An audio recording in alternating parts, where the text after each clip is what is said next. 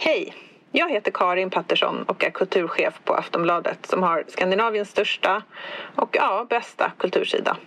Varje vecka kommer dessutom mitt nyhetsbrev där jag skriver personligt om veckan som gick och gör ett urval ur veckans bästa texter och poddar. Både hos oss på Aftonbladet Kultur och på andra ställen. Nyhetsbrevet kostar ingenting och du får första tjing på inbjudningar till våra event och samtalskvällar om litteratur och idédebatt. Gå in på aftonbladet.se kulturbrevet och bli prenumerant. Hej då! Hallå? Hallå, hallå. Är du redo? Japp. Trevligt. Trevligt, trevligt. Ska Vi ehm, ehm, har blivit offer för SJ. Eller ja, vi skulle ha spelat in men eh, tidigare. Ja, precis. Det här är inte content, eller? Nej, det är det inte. Jag, jag Men- take, men- men I take faktum- pride i att aldrig säga något negativt om SJ. Jag har faktiskt klarat mig. Jag, Okej. tror att det är, jag tror att det är någon... ehm, eh, nej, det, nu blev det content ändå. Men Ja. du, Vad tror du? Att det är liksom karma? Att om man säger Ja, något dåligt? Okej, gud vad intressant. att alla får skylla sig själva. För att om man är så tråkig som man pratar om tåg. Ja. Jag menar inte du alltså, jag menar Nej. verkligen inte dig. Nej, Så, så förtjänar man en försening. jag förstår. Det är jätteintressant. Och säkert stämmer säkert. Men jag tycker en sak som irriterar mig när jag sitter där på SJ och också på Pågatågen i Malmö, att det liksom är så, o, alltså det är så ojämlik situation. Liksom att de får säga och göra vad som helst. Ja, är man själv, till exempel om jag, alltså de är bara så, ehm, idag var vi en och en halv timme sena. Mm. Vi ber om ursäkt då. Eller de kanske inte ens säger ber om ursäkt, men i alla fall. Men eh, om man själv är så, ah shit jag kom lite sent så jag hann inte köpa en biljett. Kan jag köpa biljett på tåget kanske? Då är det bara så här, eh, eh, liksom. Ja, vi släpper av 1500. dig Ödeshög. Typ. Ja, alltså, allt, ja. På pågatågen är det så, Ja, men- 100 p. Och så blir man så här, aha men ni kan då ha, så här, eh, toaletterna är stängda eh, och går inte att använda under resan. Eller eh, så här, det, är, det är fel på den där, ibland är det det på, på de här exotusen att det är fel på någon sån ehm, Liksom, så att, så att man, man ramlar hela tiden i tåget. Att man liksom inte kan, alltså att det är fel på någon sån eh, sak. Så det skakar jätte- jättemycket om man ramlar och alla gamla människor liksom ramlar och bryter benen och sånt. Och det bara så här, ja, men för det var fel på den liksom, stabilisatorn, vad fan heter. Ja. Mm, Så, för de har så himla liksom, de, de låter sig själv, alltså de själv, de är så tillåtande mot sig själva. Verkligen. Men man själv är captain så jävla short leash. det här var faktiskt innehåll. Det men var jag tycker faktiskt skulle vara så- Men det är verkligen jag- helt sant. Jag skulle acceptera om de var så, ifall det var så att jag kunde typ gå till restaurangvagnen och säga så här, jag har inte pengar just nu, kan jag betala typ nästa gång jag åker? Eller? Så tycker jag. Men jag har, eh, men det kan, jag har, blivit, jag har, jag har fått grejer i restaurangvagnen. Ja, det kan de väl göra. Eh, Men jag tycker Alltså det, handlar om, det. det handlar om grejen, det är, typ, det, det är bara liksom, det handlar om att de har sånt vidrigt jobb. Så det handlar om att man eh, träffar en trevlig människa. Men de flesta är ju så att de hatar sitt liv så mycket. Så de vill straffa en varje gång de ser en. Särskilt på Pågatågen.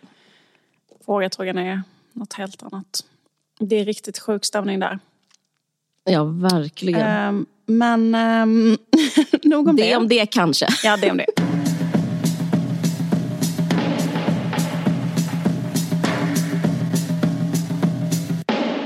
Har du något på hjärtat? Ja, jag har en eh, kritik mot uh, Nobelklännings... ehm, en trend inom galaklänningar. Mycket intressant. Som Det har ju är... varit Nobel. Ja, det har det varit. Eh, och då är ju en rolig sak med Nobelfesten att kolla på folks klänningar. Jättekul. Superkul, jättetrevligt. Men en grej som jag är emot är att det finns en trend som är återbruk. Eh, och liksom den trenden är så sinnesrubbad. Därför att det är så här... Oh my God, var det Man bara så här- därför? Det var, det var så do, men- otroliga eh, lågvattenmärken det här året. Var det gamla klänningar? Nej, men till exempel Ebba Busch, jag vet inte om du kommer ihåg, för att hon hade en succéklänning för kanske två år sedan som var extremt snygg. Som eh, Camilla Ja. Thulin hade gjort, som var i två delar. Det var en svart kjol och en vit överdel. Och nu hade hon liksom, och den kjol, svarta kjolen var ju super, super snygg och så. Då har vi sett den och tyckte den var jättefin för två år sedan. Men då hade hon den igen, och så, och så, fast en annan överdel. Och så var liksom eh, poängen med det var att man ska återanvända kläder. Usch. Och ja men exakt. För att, liksom, och, det var, och det är flera som håller på med sånt. Alltså, ehm, eh, liksom ingen skugga över Sara Danius i övrigt. Men hon gjorde ju det till exempel att hon hade samma såna, den här blåsan som är, var eh, cerise och eh, orange. Den här gigantiska ikoniska blåsan. Att hon hade den två gånger för att liksom visa att man kan ha samma klänning två gånger. Och det finns en sån allmän trend att man ska liksom visa sitt, eh, vad ska man säga, sitt miljöengagemang på just liksom Nobelfesten. Av alla gånger man kan, liksom speciellt om man då är toppolitiker, vilket Ebba Busch är. Alltså av alla tillfällen man kan stänga Prem. Eh, man skulle kunna, förstår du vad jag menar? Eh, Man skulle bara kunna uppfylla det här ehm, alltså miljömålen. Som de ju då har ehm, gjort mycket, mycket, mycket mindre troligt att de ska kunna uppfyllas på grund av Tidöavtalet. Där de lägger ner vindkraft och sådana saker. Det här vet alla. Men det hade de ju kunnat göra då istället för att tråka ut oss med samma fucking kjol en gång till. För det är ju det, är ju det enda som är kul. Liksom. Ehm, för jag menar, det är liksom, po- poängen är ju att ehm, där och då kan man då se något nytt som Camilla Thulin har gjort. Det är väl kul? Jättekul. Och om man ska göra så här återbruk. Alltså jag Mm. vill, jag, när du sa det trodde jag du skulle säga något annat. För det finns ju en ikonisk eh, klänning som vad hette hon, Victoria hade när hon tog sin mammas från 95. Ja, men det var ju kul. För den är ju så här 90-tals... För, för då blir ju den trendig och liksom bär på en modernitet igen. För det är megatrendigt med 90-tal och liksom eh, sådär. Och den, är, den, var, den hade hon 2018. För den är ju helt pissnygg. Men, Visst. och, så så det, då, det måste ju finnas en sån extra dimension att den ska då vara snyggare än alla andras klänningar. För så var det verkligen. Den Ja men verkligen. Och så kan man väl göra liksom att de tittar i sin garderob och så. Men, Nej, men eh, det och där, just istället för som, att liksom, som, ge, som, ge- som gör... Stänga miljödepartementet och... stänga miljödepartementet och sen så liksom, t- liksom vad heter det, värma upp planeten samtidigt som de tråkar ut oss på Nobel. Som är liksom det enda som är kul. Att man ska få kolla på. För, då, för liksom, så ska man ju inte liksom värna om miljön. Alltså, för att, Nej. liksom, det är liksom konstigt så bara, för då hade man kunnat lägga ner hela Nobelfesten. Alltså hela Nobelfesten är väl ett slöseri på, klimatet. Alltså du vad jag menar? Man hade kunnat vara så här, vi, vi, vi, vi skickar, vi mejlar er liksom Nobelpriset och sen så eh, sätter vi in bara pengar på ett konto för då sparar vi vi kör massa av Zoom. jordens resurser typ om vi inte har. Men det är liksom inte det som är poängen utan poängen är ju att man behöver så en ritual och något förhöjt och att det är kul. Och liksom det, är ju, det är därför man har hela grejen. Då, kan man, då ska man ju ta på sig samma sak som man hade förra året. För hela poängen är att du ska gå dit och på dig någonting annat. Som vi ska titta på. Verkligen. Verkligen. Sluta Nej, med det- de återbruken. Men ha samma kläder liksom annars då. Eller ännu hellre eh, lägg ner, förbjud eh, alltså fossi, fossila bränslen. Ja, ändå näringsminister. Eller vad är hon? jo det är hon. Hon har det i sin hand. Jag bara vet, Jag vet att, hon, inte. att hon har inte klarat av det hon lovade. Eh, jag såg faktiskt partiledardebatten igår. Jag ska inte göra innehåll på det, men jag såg den. Mm. Och det var så himla kul, för då sa hon så här.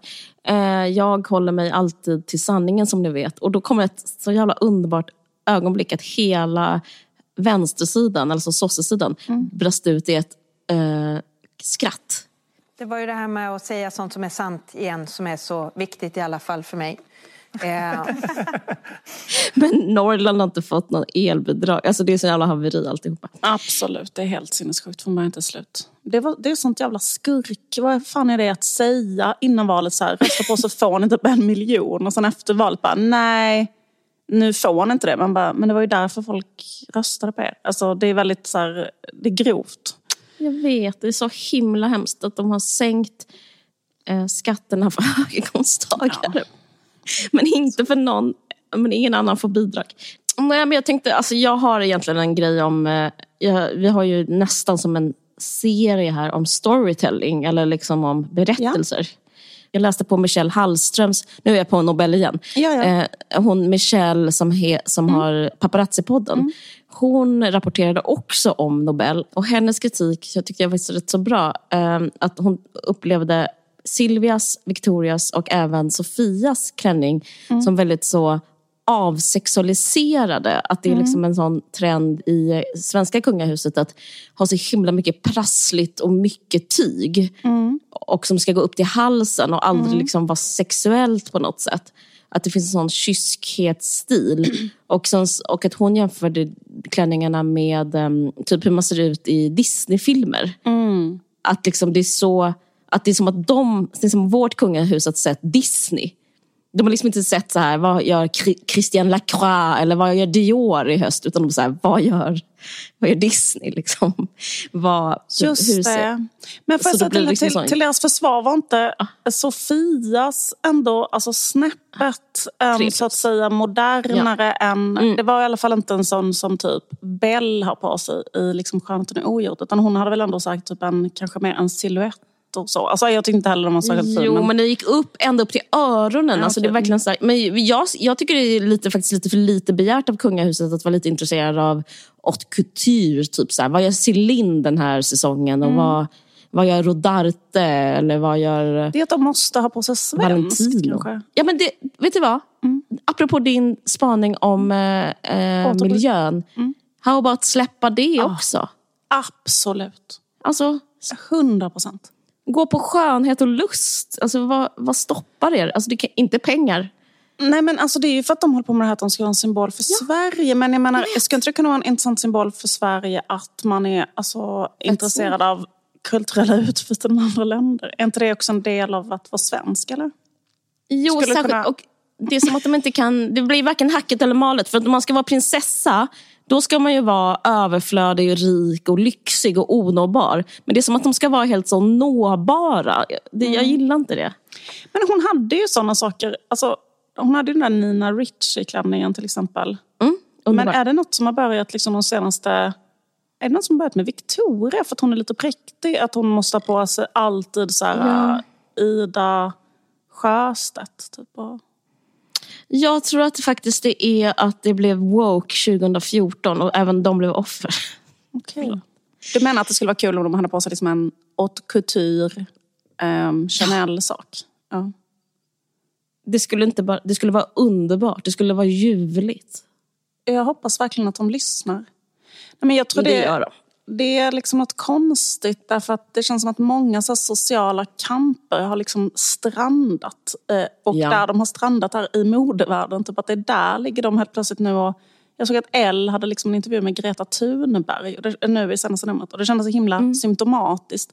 Att liksom, nu är det Mm. Elle som handlar om, alltså var hittar man artiklar om klimatet? Och, alltså förlåt, men jag bara menar att Verkligen. Det är typ även, eh, även svenska, skandinaviska Vogue hade ju eh, Greta Thunberg på omslag. Ja, precis. Och så typ så här, kanske de så här stylar Greta Thunberg um, och tar så här snygga typ mode för att de annars är hon typ jättesmal. Men liksom det är helt...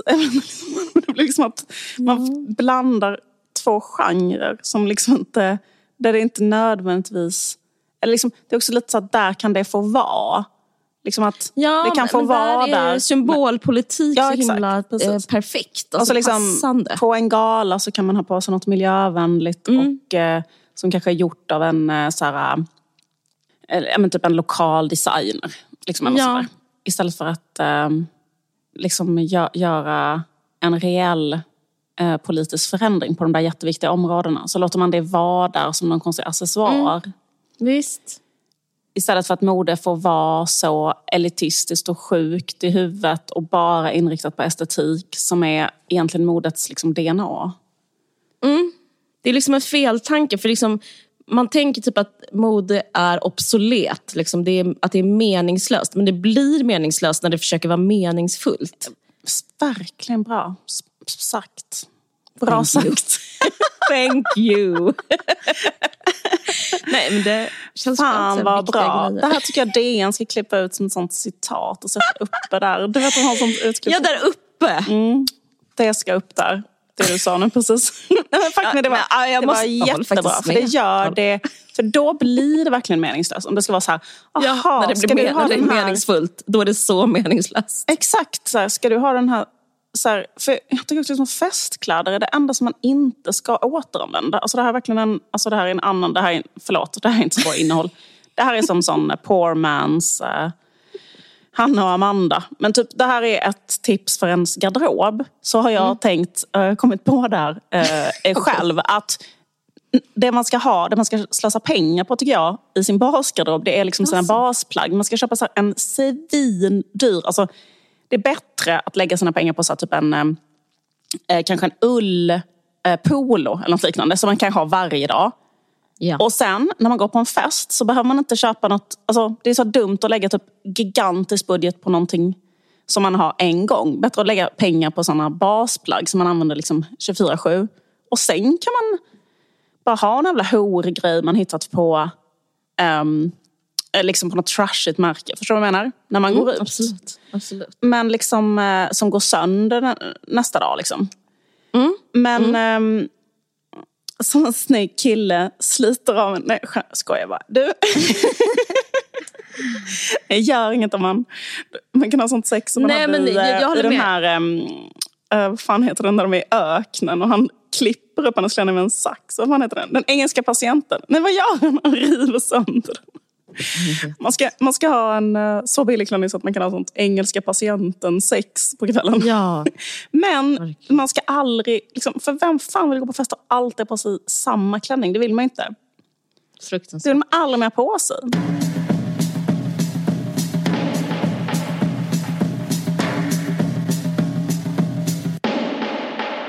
Eh, Jag har eh, läst faktiskt en bok. Mm. Det här är en jättetråkig inledning på en prata och säga jag har läst en bok. Men jag ska se om jag kan eh, lova att den kommer vara... Det kommer att vara intressant. Mm. Eh, I alla fall så är det en skådis som heter Just, Justine Bateman som har skrivit den här boken. Och ehm, jag kommer ihåg henne jätte, jätteväl av någon anledning. Därför att hennes största claim to fame är att hon var med i en eh, sitcom som hette Family Ties. Eller på svenska hette den Fem i familjen. Och eh, den gick på 80-talet. Den började gå 1982. Men grejen är att den repriserades i svensk tv på 90-talet när jag typ gick på gymnasiet. Så jag kollade alltid på den här efter skolan med min lillebror. Så jag satt liksom, ja, extremt mysigt. Det var liksom en, och Michael J Fox var med också. Han var liksom son i familjen. Det är typ Michael J Fox liksom första roll. Typ. I alla fall så spelade Justin Bateman eh, dottern i familjen som heter Mallory. Och eh, det, eh, liksom, upplägget är så att de är en, för mamman och pappan är hippies. Men barnen är yuppies typ. Michael J Fox är en 80-tals yuppie. Alltså han kanske är då 16 i, i, eh, i, i, i, i serien. Jag har aldrig sett det här. Men Nej okej, men du förstår att det är ett kul sitcom-upplägg. Att två hippies får en um, um, yuppie-barn. Som bara går runt och vill prata i mobiltelefon och tjäna pengar och de är så här, vill meditera. Så det är det som är skämtet hela tiden. Running gag, jätte, jättekul. Och Mallory är liksom en spånig bimbo.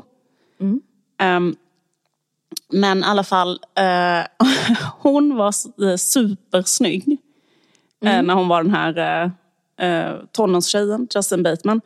Sen efter det så har hon liksom haft en mycket mer så här, eh, inte alls en så eh, populär eh, eller hon har inte alls haft en så bra karriär som liksom Michael J Fox haft en, hade ju såklart en helt sinnessjuk karriär. Men hon tror jag liksom mest var liksom mega, mega, mega, mega, mega kändis.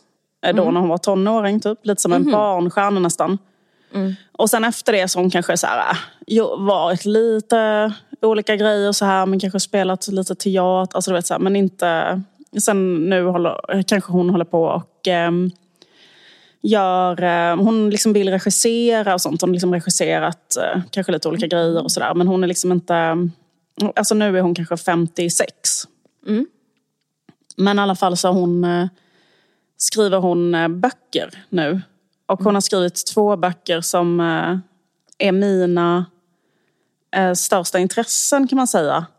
En bok, eller två av mina jättestora intressen. En bok heter Fame. Och den handlar om liksom hur det är att vara känd. Och ehm, att först vara jättekänd och sen vara lite mindre känd och sen inte vara känd alls. För det är hennes erfarenhet då. Och eh, hon har så jävla intressanta iakttagelser om det. Ehm, hon, s- hon hade en så jävla bra spaning om det. Om kända människor, hur de är. Sara. Och, eh, eller liksom, Fråga, hur, hur, hur, kom du i kontakt med den här boken? Alltså, har du följt henne sedan dess? För hon är totalt dold. Alltså, hur? Nej, precis. Hon är en. Nej, men det andra eh, sättet som jag hittade henne var för att hon har skrivit en ny bok nu som kom ut 21 som heter Face. Och den handlar om hennes ansikte. Att hon, har, att hon är så mot, eh, helt och hållet emot all typ av plastikkirurgi och fillers. Liksom.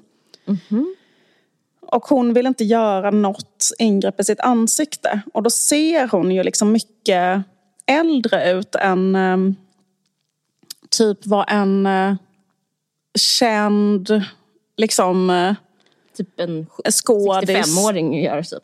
Ja, precis. Exakt. Att hon ser liksom... eh, Bety- alltså hon ser mm, liksom markant annorlunda ut än liksom kanske kollegor och sånt till henne själv. För att hon har inte velat göra något ingrepp. Så att hon ser liksom... eh, Hon har liksom ett naturligt åldrande helt enkelt. Men man är så ovan vid att se en kvinna som också inte typ har typ ett retuscherat ansikte och så. Utan hon, alltså till exempel på omslaget till den här boken så har hon sitt helt vanliga ansikte utan att ha tagit en smickrande vinkel och så. Utan hon bara har alla sina så här rynkor då liksom och så. Och, ehm, och så handlar boken om att ehm, det är liksom en skönlitterär bok. Så det är bara korta typ noveller som bara är olika kvinnor som hon typ har hittat på. Men man fattar ju att det handlar om henne själv. Hon har bara hittat på typ 24 olika kvinnor som liksom heter olika namn. Och det är inte särskilt bra noveller. Men, det är liksom, men det är som att hon har typ eh, väldigt mycket att säga på något sätt ändå. Och eh, samma sak med den här Fame då. Jag ska bara säga den där spaningen som hon sa om hur kända människor är som jag bara tyckte var så, så, så himla on point. Och det var typ att hon sa liksom att när man är känd så är man själv hela tiden i, eh, i eh, liksom, eh, det, det är liksom man själv som är den intressanta hela tiden då. Alltså typ att hon har varit så här mega, mega, mega, mega, mega känd i USA då. Att, liksom att så fort hon kommer in någonstans och så, här, så liksom blir det som att eh, eh, alla liksom så här Åh, det är ju du. Så här, hur, eh, wow, har du, har du trevligt här ikväll på restaurangen? Eller liksom om någon går förbi och frågar så här, eh, liksom, eller typ, är du här ikväll? Eller ah, vad gör du nu? Och vad, eh, du vet, så här, så att den, den kända personen, liksom alla samtal så här, som den har handlar jätteofta om den själv. Så här, att folk frågar den, så här, vad, vad gör du här? Har du trevligt ikväll? Vad, vad jobbar du med nu? Vad ska du liksom, så här, och liksom, eftersom man så himla ofta är i den situationen, att man får prata om sig själv, så börjar mm. kända personer tro att det är det som är liksom, hur man gör när man umgås. Liksom. Så typ, det här tycker jag är väldigt on point. Typ, att om man träffar en känd person ibland, som är väldigt känd, mycket kändare än en själv och sådär, så kan man ibland komma i en sån situation där den bara, nästan som att den slår på så en eh, Alltså den börjar så riffa på det sättet om sig själv. Och bara berätta så här typ eh, vad den gör och vad den jobbar med nu och så. Som, som liksom, att det blir sånt jätte, och så väl, på ett väldigt så, kanske ganska så detached sätt också. Liksom att man inte, Det är inte ett samtal så, utan det är bara typ som en redovisning av vad jag gör nu och mig själv. Och att de aldrig ställer några frågor eller att det liksom aldrig är någon eh, dialog. Det tyckte jag var en intressant... eh, Men att hon menar så att det är inte för att de är liksom självtagna. Eller det, är liksom inte, det bara blir så. För att man har en sån konstig roll av att man alltid är den som är mest intressant. Eller har varit så himla många gånger. Eh, Så man bara det. Ja, det tyckte jag var ganska kul. Så är typ hennes iakttagelser. Typ att hon bara noterar saker utifrån sin egen liksom, verklighet. Så här. Att hon bara har den här konstiga erfarenheten. Och sen eh, också det här med hennes eh, face då. För då var det som hände henne var att hon liksom började bli mindre och mindre känd. Och började, hon utbildade sig typ till dataprogrammerare istället. Och började jobba med det. Alltså hon är så här, kanske jättesmart och liksom, jag vet inte, hon är liksom en rätt speciell människa. Men tycker hon, har, tycker hon att det är liksom, förkastar hon sitt tidigare liv? Liksom? Är hon mot? Nej, jag tror hon liksom är jättestolt över det. Jag tyckte det var jättekul och så. Mm. Eh, men det som hände så var liksom att hon typ sökte av någon anledning på sitt eget namn. Och då kanske hon var Mm. typ 42. Och då såg hon så jätte, jätte, jätte, jättemycket liksom internetverksamhet. Mm. Som kommenterade att hon såg så jävla gammal ut. Mhm. Och typ att hon såg så här, fan vad hon har blivit risig hon som var med i liksom i den här liksom 80-talsserien. Hon ser så jävla gammal ut och fan hon har liksom förfallit. Och hon ser ut som en heroinist. Och typ, alltså massa, massa, massa, massa, massa sådana grejer. Ja.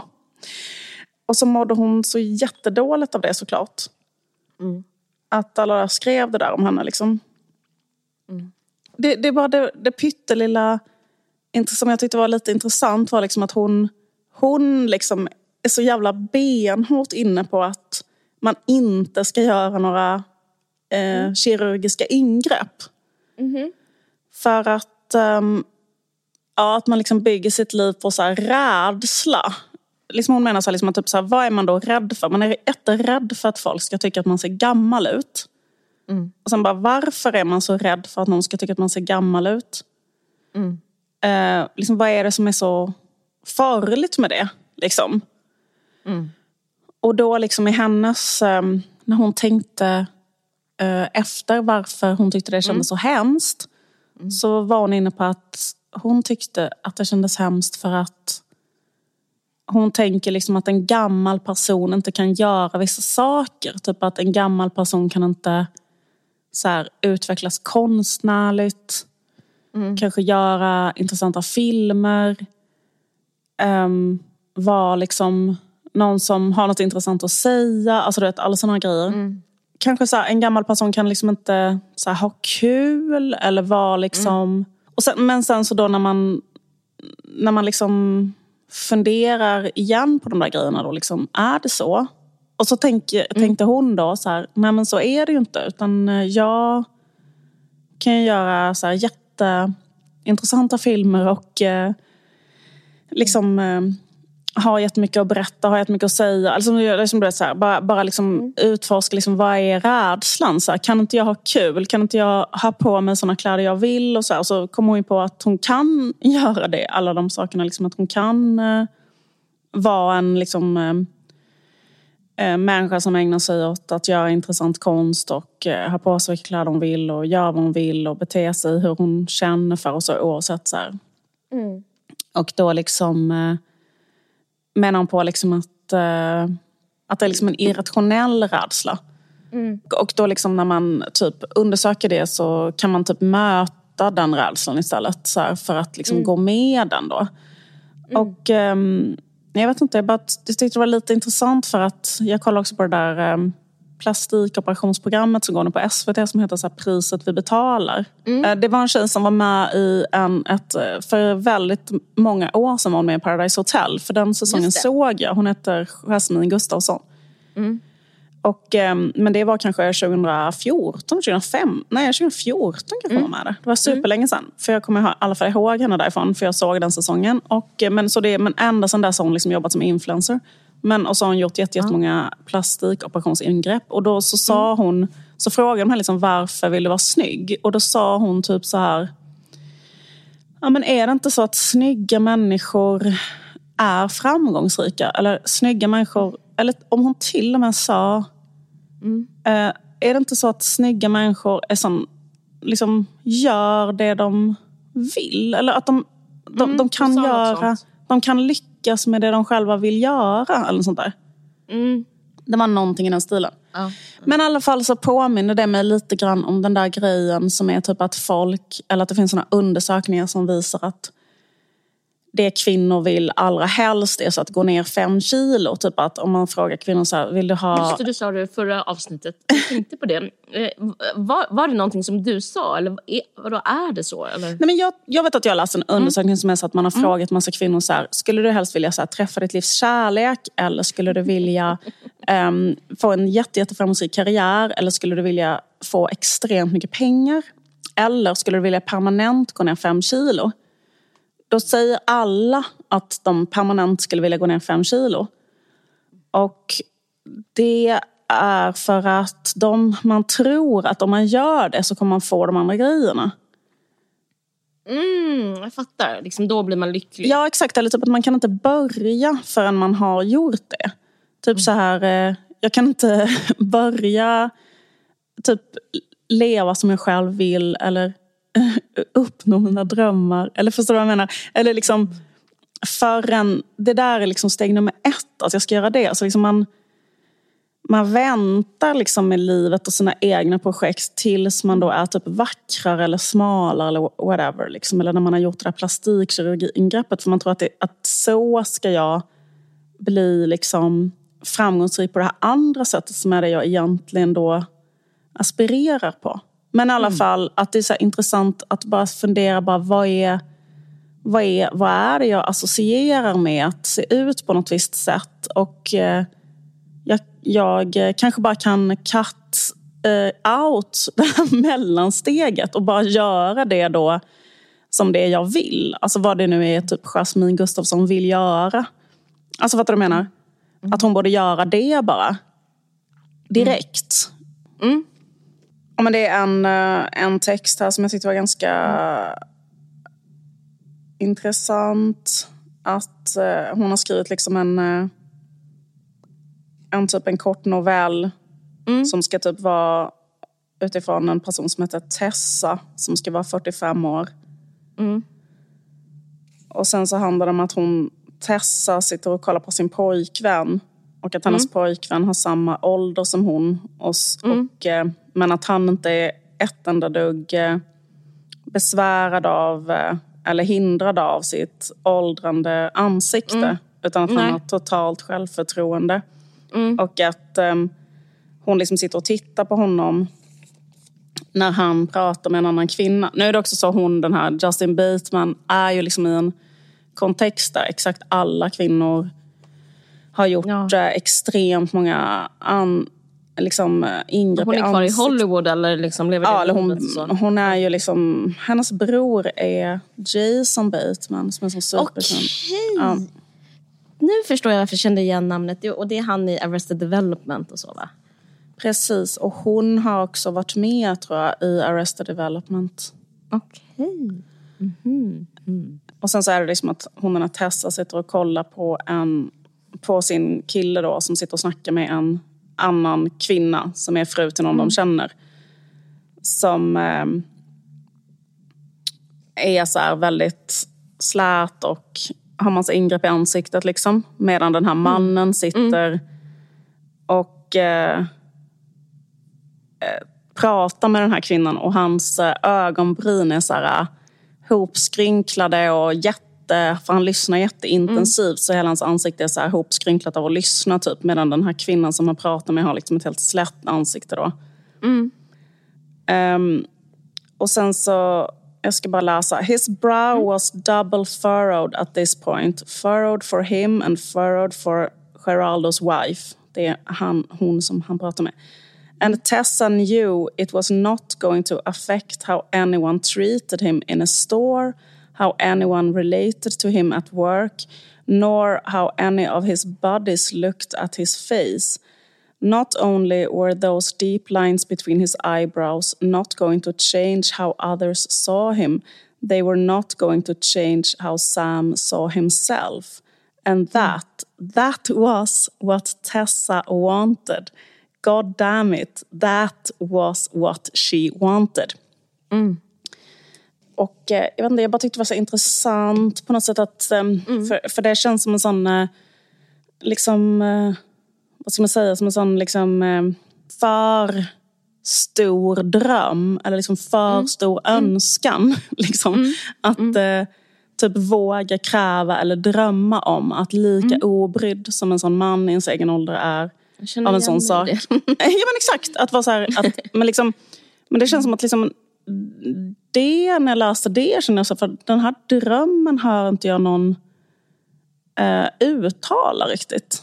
Att Nej. de drömmer om att kunna vara så obrydda som en man är för sitt åldrande face. Det känns inte som att det är typ en, eh, Alltså, eller vänta, och då tänkte Nej, jag så här, den det- strävan inte Nej, den liksom, strävan inte liksom, nej, den strävan känns inte liksom, eh, känns inte som någon är så daring att drömma så stort. Ja, verkligen, verkligen. Trots hela den här liksom fett liksom amerikaniserade kulturen av att våga drömma och tell it to the universe. Och hela den här så har man ändå en så pass limited dream Ja, som bara är att man ska typ finna sig i något, eh, liksom det lilla livet där eh, liksom, givna ramarna, Givna liksom, ramarna, ja. liksom, exakt. Och, eh, och eh, då bara tyckte jag att det var så intressant, speciellt om man tror på såna si- the secret-grejer och sånt. Just det. Att hon told it to the universe nu. Att eh, eh, damn it, det är det jag vill ha. Liksom. Ja.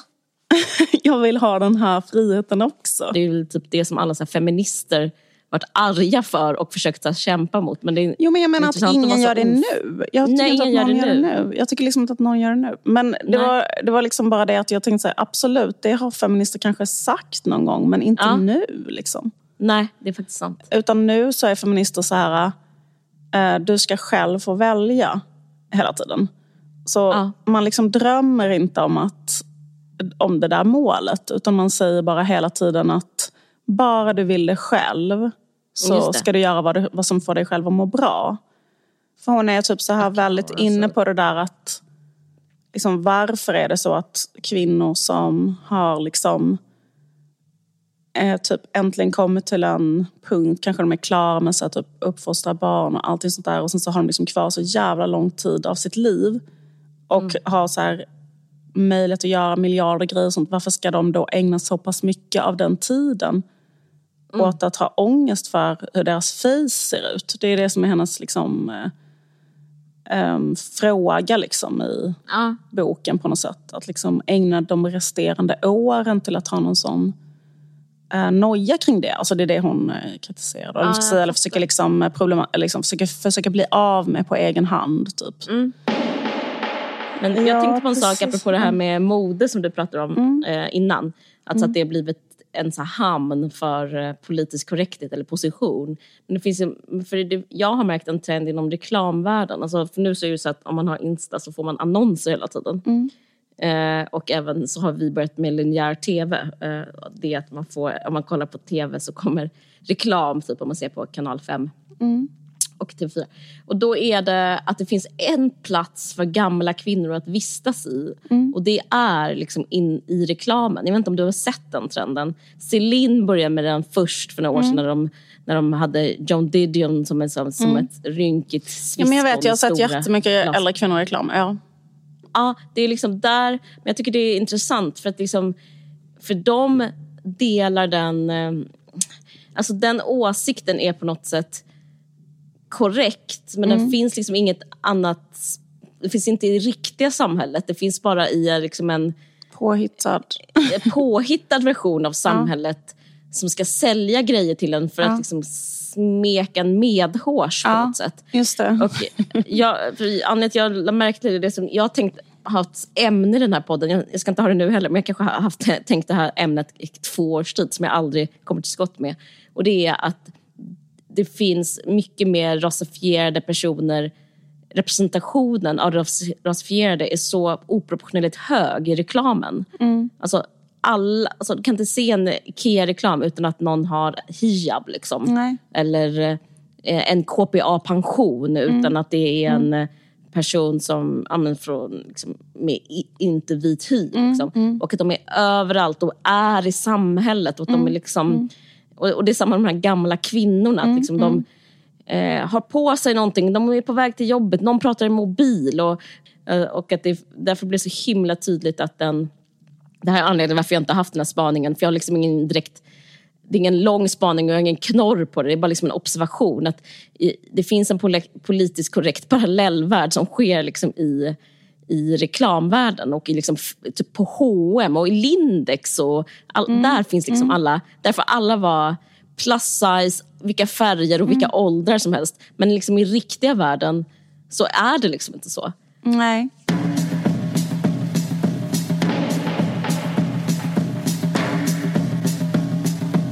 Vi har ett eh, samarbete med Göteborgs stadsteater angående en pjäs som jag faktiskt läste om i tidningen. Som verkar väldigt intressant, som heter The Vivian Girls. Det är regissören Linda Forsell som eh, var en av de konstnärliga ledarna för scenkonstgruppen Potato Potato. Eh, som eh, jag har träffat på i Malmö faktiskt. Och den är dramatiserad av Felicia Åhly. Precis, den, den baseras på den här jättespeciella, konstiga boken som eh, gjordes av Henry Darger som var en väldigt, så här, väldigt, väldigt, väldigt udda eh, författare. Och han eh, levde, alltså han var, den här var inte utgiven under eh, hans livstid. Han, han, det det har, har ibland kallats för världens längsta roman. Den består av 15 000 sidor text. Och, det, och han har också typ gjort en massa tavlor i collageform till, eh, till de här och sådär. Och det är en story som utspelar sig i ett rike som heter Glandelinia. Där liksom hundratusentals barn hålls som slavar och torteras av vuxenvärlden. Och sen är det sju modiga systrar, eh, de som heter då Vivian, Vivian Girls. Och de är i 8-10 års åldern och de startar en rebellgrupp för att frita alla barn. Men eh, det, här upptäcktes, det här verket, liksom strax innan han dog i Chicago 1973. Så det är ett jätte, jätteudda verk. Men eh, att Felicia Åhly har eh, typ tagit sig an att göra den här. Och eh, ehm, liksom dramatisera den. Och, det är ju ett jätteintressant projekt. Ja, men det är superspännande. Det är väl någon slags blandning mellan sci-fi och alltså, närliggande dystopi. Eh, alltså, väldigt spännande tror jag att det är att se på och väldigt eh, härligt med de här fri rebellgruppen som också är flickor och ja, ja, i det här. Det, man kan ju läsa in eh, mycket i det. Verkligen. Eh, men eh, vi har i alla fall ett erbjudande Mm. och som jag, om jag hade fått höra det här, hade gått på. Det är, om man är lyssnare, om ni som lyssnar helt enkelt, ni kan köpa två biljetter till priset av en. Och det blir totalt 340 kronor, alltså bara 170 per person. Och då är det bara att surfa in på stadsteatern.goteborg.se varg och så kan man ta del av det här erbjudandet. Och så kan man läsa mer om pjäsen där. Precis, gör det. Ta med en kompis, gå dit. Ja. Eh, Stadsteatern.göteborg.se varg. Och eh, då kan alltså gå två stycken för priset för en på The Vivian Girls. Regisserad av Linda Forsell och dramatiserad av Felicia Åhly. Mm. Gå och kolla på den. Gör det bara. Tack för det här samarbetet, Stadsteatern Göteborg. Tack. Eh, jag tänkte återkomma till det, här, liksom, det lite vaga temat i den här podden som är om plott, narrativ och storytelling har vi pratat lite om. Eh, det har, eh, den här vinkeln den här gången är att liksom, det har varit lite olika debatter. Det kommer inte från att jag sett något Netflix eller läst någon bok utan det kommer från att eh, det har varit Augustpriset och så var det en debatt där om att eh, böckerna var för svåra och att eh, Björn Werner som initierade debatten hellre såg på tv-serien White Lotus.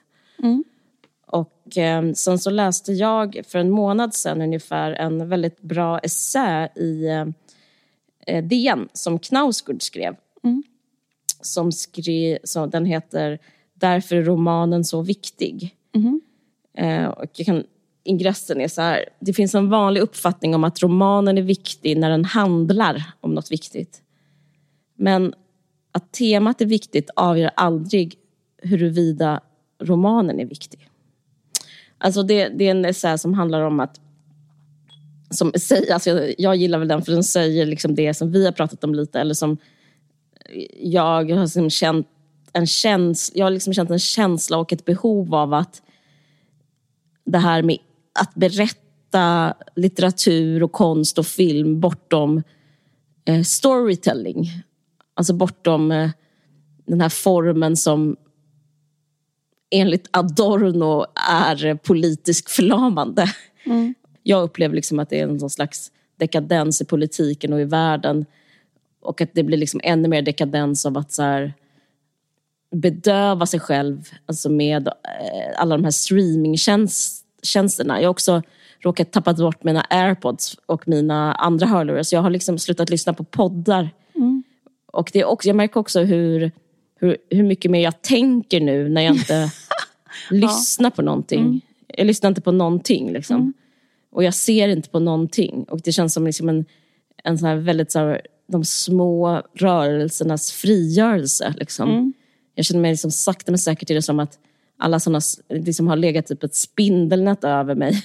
Mm. Som jag liksom råkar liksom få komma fri från.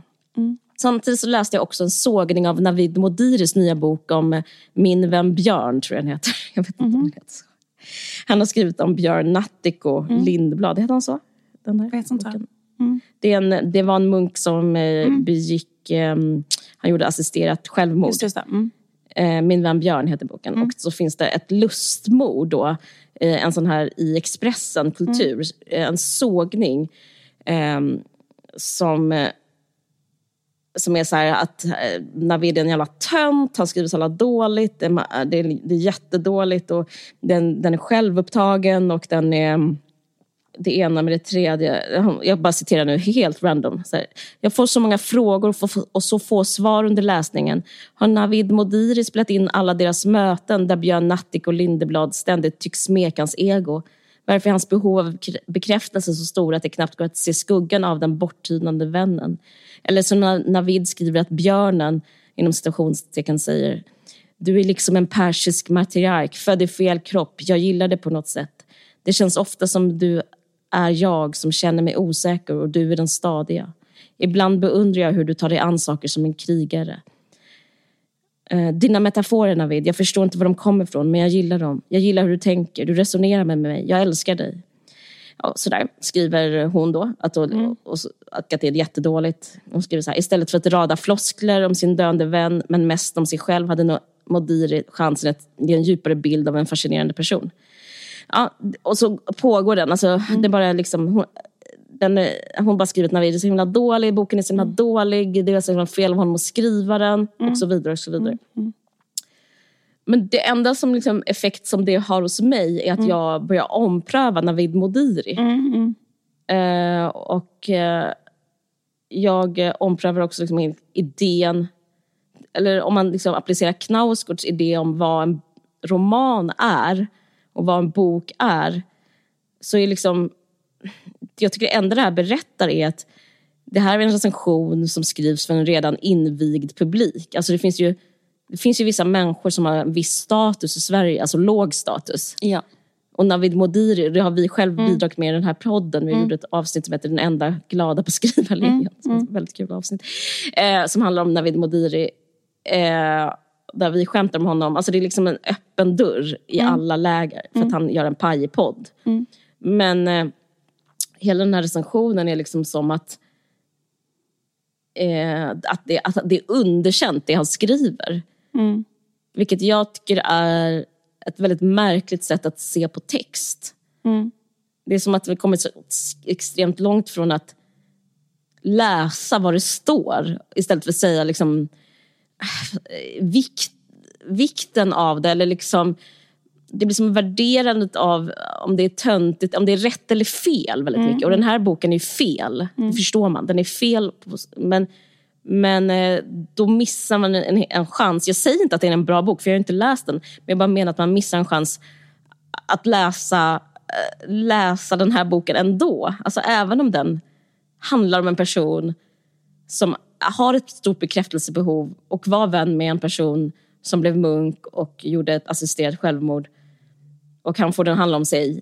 Det, kan, det jag menar och det Knausgård menar att det är sekundärt för vad det, vad det står. Alltså det kan ändå vara en bok att läsa. Alltså det är liksom, ämnet hör liksom inte hit. Och jag blev så himla glad när jag läste det för det känns som att liksom därför är det intressant med när Björn Werner skriver om att han, alltså det han skrev att han inte fattade texterna, alltså böckerna i August, eh, de som blev nominerade. Eh, men det är också som att det är bara för att han tror att han ska fatta något. Men, men till exempel är det poesi, två böcker, en är Jenny Tundahl och en är um, Iman Mohammed. Och jag har bara läst Iman Mohammed som är jättebra, men jag vet inte heller vad den handlar om. Mm. Men, men det fick mig att tänka på en annan text av Stig Larsson som när han recenserade, för han gjorde det på ett helt annat sätt än trenden nu, som är just det här, det här handlar om det här och det är bra eller dåligt. Liksom. Och då skriver Stig Larsson i sin recension så här. En verklig dikt är något som jag återvänder till. Inte bara två, tre gånger utan ett oräkneligt antal gånger. Den bästa jämförelsen. Du är förälskad. Huden på den du älskar. Säg insidan av underarmen eller håret, doften av håret. Du vill dit. Det spelar ingen roll att du har varit där tidigare. Det handlar inte alls om att det är något som du inte förstår av dikten.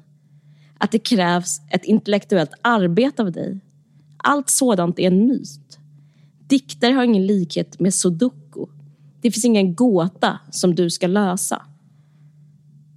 Eh, det är av Kristoffer Appelqvist Lax nya diktsamling, eh, eller hans debutdiktsamling. Jag har inte läst den, men jag tyckte det var väldigt bra. Det var enormt bra. Fan vad sant. Det där, det sjuka är, det, mm. så där har jag alltid intuitivt känt med mm. dikter. Och jag har aldrig känt att det har varit viktigt för mig att förstå. Nej. Hela liksom, grejen. Utan det är bara den där grejen att man har den där oförklarliga... Eh, det var väldigt, väldigt, väldigt bra förklarat. Det att man hela tiden vill, vill titta på den dikten. Och det är samma sak som en... Alltså vad som kanske är vanligare. Folk, Det är inte så vanligt att ha den relationen till poesi. Alla har inte det. Men jag tror många Nej. kan känna igen sig att man kan ha det till en låt. Och ja. man behöver inte heller förstå eh, till exempel vad den personen som har skrivit låten menade exakt med Nej. texten och sånt eller med musiken och så. Men, Nej, men att precis. man kan ha en sån eh, eh, besatthet av att återgå till ett konstverk oavsett om man förstår det eller inte. Eller liksom, och att det inte är någon sån... Eh, det, är, det är liksom ett mysterium som man inte behöver närma sig på det sättet. Liksom. Nej, precis. Och det är... Om man återgår till Knausgårds essä så är det liksom själva poängen med... Alltså därför är romanen Alltså det är existensberättigandet för liksom, litteratur och romaner och liksom, den form av text. Uh, att liksom, det som inte är, går att förklara. Alltså det, jag, ska läsa, jag ska citera honom. För att det handlar om också att jag också läst en bok som du har gjort. Jag tänkte också, gud vad tråkigt att jag ska berätta att jag läst en bok. Men det är på grund av det här som jag läser nu. Det är Knausgård som skriver. Den märkliga känslan man kan uppfyllas av när läsningen är över och man sitter med boken i knät fortfarande för ett par minuter kvar i dess värld. Senaste gången jag upplevde detta var förra vintern. Jag läste Claire Keegans roman Små ting som dessa. Jag hade inte hört talas om Keegan tidigare och det var en tillfällighet att jag plockade upp den. När jag var färdig med blev jag några minuter sittande i solen i vardagsrummet med boken i sänkta händer. Helt uppfylld av bokens känslor och stämningar som jag på ett märkligt sätt upplevde som akuta. Det är svårt att säga varför den gjorde så starkt intryck. Att minnas läsningar är som att minnas smärta. Vi kan beskriva vad som hände och hur det var, men utan de känslor som fyllde oss den gången och eftersom smärtan bestod av känslorna är det bara skalet vi talar om. Det återstår i minnet, tecknet för smärta, inte smärtan i sig. Läsning är närvaro, det är att komma något nära. Vad är det då vi kommer nära i små ting som dessa? Den inleds så här. I oktober syntes gula träd, så flyttades klockan tillbaka en timme och de ihållande novembervindarna drog in och slet löven av träden som snart stod nakna. I staden New Ross spydde husens skorstenar ut rök som föll och drev bort som långa håriga strängar innan den skingrades längs kajerna och floden Barrow, mörk som porter, svällde snart upp av regnvattnet. Ja, när jag läste det här så gjorde jag så att jag började läsa den boken. Jag köpte den genast och eh, läste den här boken, Småting som dessa. Och den boken är så bra. Igår träffades du och jag. Då berättade jag för dig om den boken. Det är typ som en lång novell. Hon skriver noveller. Kommer du ihåg? Just det, precis. Precis. Och jag, då blev jag besatt av henne och försökte liksom hitta allt av henne. Och nu har jag läst allt av henne för hon har bara skrivit fyra grejer. Men hon skriver så här otroligt bra. Men det jag gjorde var också att jag började liksom, dammsuga internet på intervjuer och poddar och sådär. Och försöka förstå. För att jag ska inte berätta vad böckerna handlar om, men eh, eller jag kan säga det utspelar sig på Irland och det är, den senaste handlar då om de här Magdalena-tvätterierna, att liksom nunnor som behandlade fallna flickor som skit för att de hade haft sex och kanske fött barn och sen så blev de vanvårdade. Alltså för några år sedan så hittades eh, utanför klostren där i Irland, liksom, det var som en kyrkogård med jättemånga bebisar. Eh, känner du till det här? Just det. Precis. Ja, men hon skriver inte om det, hon är inte sensationell. Hon är liksom inte, men, men det finns i bakgrunden av den här senaste berättelsen. Ehm, men då hittade jag ett citat från, från en eh, intervju i Guardian hur Claire Keegan själv, som då Knausgård älskar och som nu även jag älskar och Stig Larsson säkert skulle älska om han läste. Han skriver så här. I don't believe in plot and I've never plotted anything, she said. Alltså Keegan. I don't think you can be in the paragraph if you'd already decided where you need to be. Ja, jag, vet inte, jag tycker liksom det är intressant en, för, av en författare att skriva liksom om att att, det, att, liksom att, att plotten inte liksom... Hon, hon, hon har inte ens med den. Nej. Och eh, anledningen att hon inte har med den är att hon vill vara närvarande. Och eh, jag vet inte, jag vet inte riktigt eh, liksom exakt vad jag vill komma, men det är någonting med att så här, till Björn Werner så vill jag bara säga att han inte, han kanske inte förstår något, men, men då förstår han något ändå. Eller liksom, man behöver ju inte förstå något. Nej. Och eh, till hon som sågar Navid Modiri, hon, så, alltså hon kanske... Det, det kan vara så, det kanske finns någonting mellan raderna som, Just som, som man kan återvända till som sin älskades underarm som Stig Larsson pratar om. jag tror inte heller den boken är så bra, men, men jag tycker det är... Eh, jag vet inte, det är som att det är för långt bort från från, från textens magi, att hela tiden vara besatt av vad som står. Sa- samtidigt fattar jag, om man recenserar något så får man väl vara så här, okej, det, den här handlar om det, det och det är så så. Eh, men jag, jag tyckte det var, så, det var som att liksom dricka ett friskt eh, glas kallt vatten att läsa Stig Larssons recension. Att det kan vara en så kan man också skriva. Och sen så Verkligen. fortsätter den recensionen och den liksom, han fattar ingenting. Sen börjar han prata om någon, det påminner om något annat, han får en känsla, han skriver om den känslan. Eh, det är nästan inga värdeomdömen, det är bara liksom någon slags... Eh, att man får gå in i hans liksom, kanske själs, alltså Stig Larssons själsliv lite. Och eh, det är liksom mer ett, ett tillstånd av varande. Just det. Eh, Men, ja, precis. ja. Ja, men det är jätteintressant, för det är liksom två helt olika sätt att läsa. Liksom att läsa det för att ge ett värdeomdöme.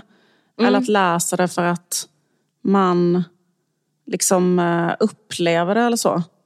Mm. Ja, jag skulle nästan säga, Alltså, jag vill inte dra är på stora trumman, är men det är nästan mer konsumistiskt på något sätt. Alltså, det är mer som att så här... Det är som att, man ska, att det ska ha nästan... Jag vet inte, men alltså, man, alltså text och litteratur och konst kan vara så också att man, så här, man upplever det och sen så låt, och sen, man är med om det och sen så lämnar man och så låter man det vara. Man behöver inte heller få någonting av det heller. Förstår Nej, du hur jag nej, menar? nej. Det kan bara vara som att man gått igenom en, en korridor av någonting Ja. och så är man på andra sidan. Det är liksom synd att man ska... Alltså att storytellingen ska också bli liksom en slags någonting man måste slicka i sig och om man inte kan slicka i sig så är det, så är det, om det smakar dåligt så är det en dålig text. Jag, jag, jag vill bara komma tillbaka till någon slags, mm, ja, kanske mystiskt sätt att se text på som, som, som inte är så effektivt eller liksom, och värderande. Jag vet inte. Det är så- faktiskt rätt för det är typ så all typ mycket så andlig träning går ju ut på att man inte ska bedöma saker. Alltså typ att man inte ska hela tiden tänka att något är bra och något är dåligt. Och liksom att för att, liksom att när man hela tiden har det påslaget så här, om något är bra eller om något är dåligt. Så liksom bemöter man världen på något sätt som typ inte är meningen att den ska bemötas på. Ja. Alltså typ att man, det är liksom också som alla sociala medier-appar är uppbyggda, eller väldigt mycket är uppbyggt på internet. Att man ska lajka eller dislika det, eller man ska ge det stjärnor eller inte ge stjärnor. Alltså att man hela tiden i fler och fler arenor förväntas vara så en recensent av allting. Typ att man ska göra en sån sur smiley eh, eller en glad smiley varje gång man har typ handlat någonstans eller eh, läst en bok. Eh, det är det absolut vidrigaste som händer när man läst en bok på någon sån e-tjänst och det kommer upp en sån, vad väckte den här boken för ta- tankar hos dig? Har den kommit för dig någon gång? Ja, visst. Eh, och det liksom kommer som ett sånt... få för mig att göra det. Det är som att, nej, nej, men att det är som att någon eh, blottar sig på slutet. Alltså förstår du? Det är som att någon skickar en dickpic till en. Alltså att få en sån tycker jag. Alltså typ att det bara är så här, det Ja. mest offensiv, sjuka. Liksom, speciellt om man har så upplevt en bok och är så här i något öppet så här, känsla kanske efter den sista ordet eller punkten eller så. Ja. Och så får man sån sjukt slap in the face som är en sån liksom olika smileys där man ska skriva med emojis vad man tyckte om boken. Alltså, ja. Att allt ska vara på sån effektiv skala. jag Exakt, precis. Allting ska vara så här skala, allting ska eh, sort, kunna sorteras in så här i eh, var det här något du gillade eller gillade du inte det? Nej, men Och, eh, och att ogilla något eller ha fått negativa känslor, det är något dåligt. Och att ha fått positiva känslor är något bra. Och så bara är det, eh, eller, eller då liksom att... eh, Men just det här sättet att hela tiden bedöma, det är som en sån sjukdom som sprider sig i hela samhället som är här typ fel sätt att leva. Ja, verkligen. Och nu ska det in i konsten. Mm. Men jag, jag, jag, jag läste också i vår tidning, då, Aftonbladet, som gör den här podden, eh, om Annie Ernaux, den här Mm. Nobelpristagaren i litteratur. Ett också väldigt märklig text. Han är väldigt bra, Olle Svenning. Alltså han är ju liksom tung och sådär. Men den textens ärende var att säga hennes politiska tveksamma hemvist. Hon har så här gett stöd åt någon som eh, är antisemit, och, vilket är fucked up såklart, och hej och hå. Men det var också som att jag var baffled, för, för det var som att det är inte där hon Nej. finns. Nej. Det är inte det som är... Och vad spelar det för roll? Alltså, vad har det med saken att göra? Liksom? Alltså, jag menar, Nej, men precis. alltså, så, hon har varför blivit ska... paj tusen gånger om. Men poängen är väl liksom att hon... Det är ju inte det, eh, de bedömer ju mellan inte... hennes ord finns någonting som är någonting. Och liksom, Men priset ska Ehm, inte ges till så, vilken är den bästa människan? nej. Eh, Vilken är den Nej, precis. godaste, mest perfekta liksom så här, individen? Ja, men jag tycker Då Navid Modiri-recensionen och den Ja. texten liksom påminde om varandra. Som är så här, ja. ni har rätt. Vill ni ha ett, en medalj? Vill ni ha liksom ett äpple? Jag vet inte, det är liksom någonting som är... Eh, som liksom för en bort från litteraturen och man ska vara så jävla duktig på att tycka rätt. Jag vet inte. Alltså. Olle Svenning har absolut rätt. Det var jättekonstigt. Hon skrev på en lista, men det är inte det som typ så här hennes böcker om att göra en abort, apropå hon har skrivit om så här åldrande och kärlek. Och typ, det är inte det som är hennes böcker. Hon råkar liksom ha någon flummig begåvning som hon liksom bara som lyser mellan eh, bokstäverna. Liksom. Så ska han sätta dit henne på det. Ja, men det är men exakt Det samma. ovärdigt. Ja, men precis, men det är som en sån också så, den mest liksom eh, förutsägbara taken på, så här, på Nobelpristagare. Att Ja. man ska liksom leta upp att de en gång har... Det var ju som med Handke också. Att det var liksom en sån Självklart gigantisk grej mot honom då för att eh, han... ehm, Eh, liksom hans politiska åsikter som skulle liksom dras in där. Men precis, men, eh, ja, men det är helt osannolikt att, att man håller på med det. Det är som att det letas in, det är som ett sånt gift. Och jag bara tycker det är intressant också att Björn Werner, om jag nu ska knyta ihop den säcken, han ser hellre på White Lotus än läser de här eh, bidragen till Oscars, eh, Oscars August. Men det är också en eh, deprimerande kategorisering. För typ, istället borde man bara ställa sig och ta emot det som är sublimt med White Lotus och fortsätta med det sublima i, i Agenbergs detaljer. Alltså liksom det som att det som är dåligt med White Lotus är ju samma sak som är dåligt med den här eh, plottsjukan. Eller liksom story. Alltså det, som, det som är dåligt med den här säsongen är, jag vet inte om du har sett den, jag älskar också White Lotus som Björn Werner gör, men det finns liksom en... De är också liksom ridna av den här eh, demonen att så här, vi ska plocka upp varenda fucking båge tills vi kräks. Och då förs man ju längre ifrån eh, det som Stig Larsson pratar om. Men jag menar, jag slår vad om att Björn Werner också upplever det jag upplever med White Lotus. Men, men att eh, jag menar, det, det finns också i eh, Dröm baby dröm av Jenny Tunedal. Um, och kanske Navid Modiri. Jag ska inte säga att alla böcker är lika bra, det är jag ingen idiot. Men det är bara för deprimerande tycker jag att hålla på sådär.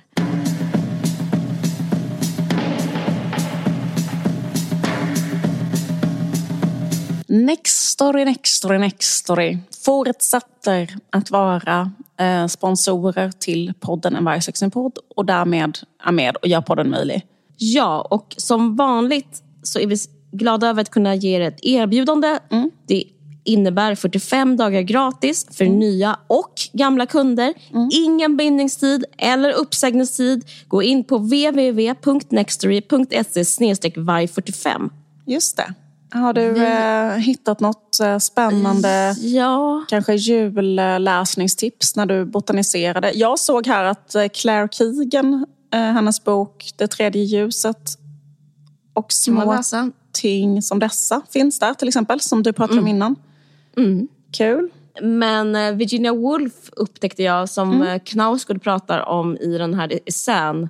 Han, den nya, alltså den moderna romanen med Joyce, Ulysses och Virginia Woolf och Marcel Proust. Vilken är din favoritbok av Virginia Woolf? Jag har inte läst särskilt mycket.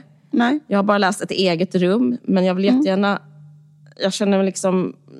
Knausgård skriver om hur bra hon är på nyanserna av liksom, eh, de så här inre registreringar och karaktärers liksom, små detaljer. Eh, och eh, klassikern är väl To the Lighthouse. Ja, alltså Mot fyren Ja. eh, finns här på svenska, till exempel Ja. på Nextory. Det är, en av mina, det är en av de bästa romanerna, tycker jag, som jag någonsin har läst.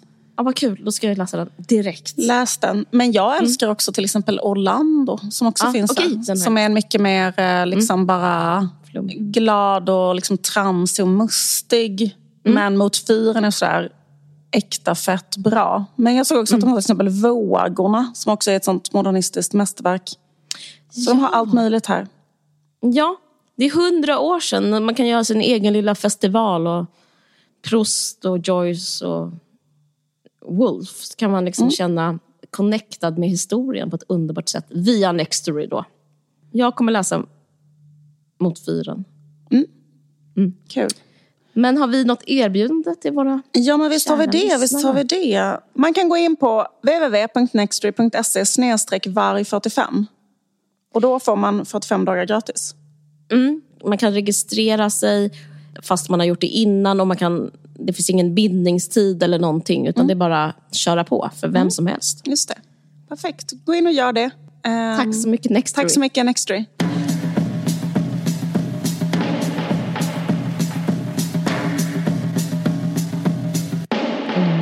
Hej då! Ja. Vi hörs om två veckor. Då blir det den ehm, legendariska trendspaningsavsnittet. Ja, precis. Buckle up! Buckle up. Ta fram papper och penna. Jag ska ge en teaser. Ja. Det är ute med trendspaningar. Men det är vad folket vill ha. Det, det, det är inne att säga att det är ute, men, men det som är är att man egentligen vill ha det. Eh, Okej, Okej, vi säger så. det gör vi verkligen. Eh, ha det så bra så hörs vi Ja, eh, strax igen. ciao. Ciao. Du har lyssnat på en podcast från Aftonbladet. Ansvarig utgivare är Lena K Samuelsson.